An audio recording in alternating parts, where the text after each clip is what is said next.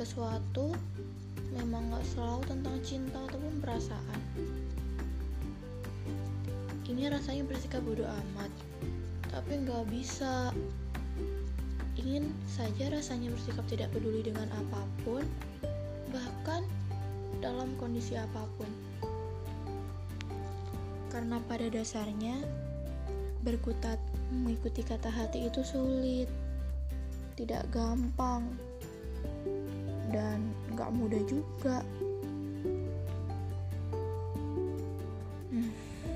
Hmm, saya pernah bertemu dengan satu orang yang menurut saya untuk saat ini manusia itu berbeda.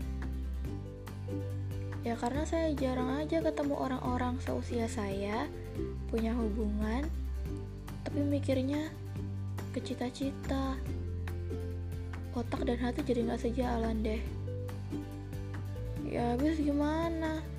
Saya memilih atau bertahan di antara cita dan cinta. Untuk saat ini manusia itu masih istimewa di mata saya. Yang walaupun sejujurnya saya sendiri nggak tahu deh letak keistimewaannya ada di mana. Ya intinya dia beda deh beda aja gitu. Nggak seperti orang-orang yang pernah saya temuin. Tapi satu yang nggak saya suka dari dia. Anaknya nggak peka. Segala hal yang saya maunya serius tapi sama dia dianggap bodoh amat. Anaknya selalu ngegampangin semua masalah dia tuh sebenarnya tahu saya marah.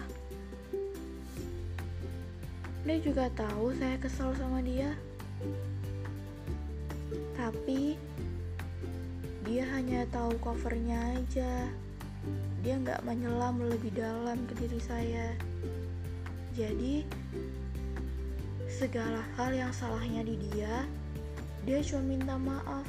Habis itu ngulangin lagi. Minta maaf lagi terus diulang lagi. Dia tuh dia tuh nggak ngerti apa yang saya mau. Dia udah berhasil merubah saya. Tapi saya selalu nggak berhasil untuk rubah dia. Tahu nggak kenapa? Ya karena saya anaknya nurut kalau diatur selagi aturan itu baik ya saya lakuin sebisa mungkin. Tapi udah beda lagi urusannya kalau harus saya ngerubah dia. Mau sampai kapan pun itu mau sampai dia pergi ninggalin saya atau bahkan sebelum itu tetap aja saya gagal. Ini bukan karena anaknya bandel bukan bukan itu.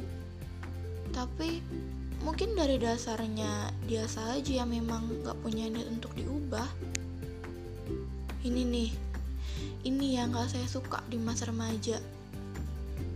Kalau udah kenal asmara pasti jadi bodoh. Mau aja dibodohin sama cinta. Kalau gini terus kita mulu yang kalah. Dan cinta terus yang menang Tadinya saya pikir nggak apa-apa, wajar.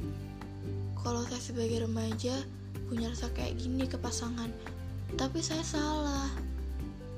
Saya harus bisa mementingkan yang benar daripada yang salah.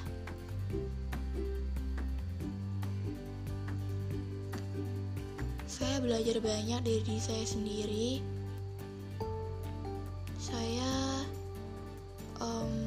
Sekarang lagi bertahan sama satu orang yang friendly banget ke semua cewek.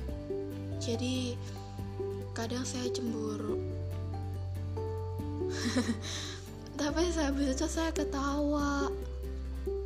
Ya tiba-tiba saya nyesel aja sama diri saya sendiri. Saya mikir kenapa harus cemburu? Kalaupun dia bisa bodo amat ke saya di saat lagi kumpul itu tandanya saya juga bisa bodo amat ke dia dengan kesibukan saya. Tuh kan sampai sini aja udah kelihatan banget kalau lagi punya masalah sama asmara. Nggak apa-apa deh namanya juga remaja. Ya masih dibilang coba-cobalah. Ibarat kamu pergi ke pasar terus disuruh milih yang mana buah jeruk yang manis terus yang mana yang kecut karena kita nggak bisa bedain dari covernya akhirnya kita disuruh nyicip tuh keduanya kalau udah gitu kita pasti pilih salah satu dari rasa buah tadi. Ya udah, berarti sama aja kayak remaja. Coba-coba sampai nemu yang pas. Yang rasanya nggak kecut, tapi nggak manis juga. Gimana sih? Ya intinya pengen ketemu satu orang yang nggak ribet deh nggak kayak si dia yang sukanya ngegampangin udah gitu friendly lagi ke semua cewek dasar intinya menjadi remaja itu memang bukan hal yang mudah. Karena di sini awal mula kita dihadapin sama masalah-masalah ringan namun sedikit berat. Aduh, gimana sih? um, biar masing-masing otak kita aja deh yang mengartikan apa maknanya. Intinya kelak masalah yang ada di masa remaja ini bisa ja, uh, bisa bisa jadi bekal untuk dibawa ke masa dewasa nanti jadi cemburu itu wajar nggak apa-apa kan masih belajar mengenal apa itu cinta ibaratnya kita ini masih di tepi laut, belum sampai ke dasarnya. Kita belum juga menyelam lebih dalam. Jadi, ya itu remaja.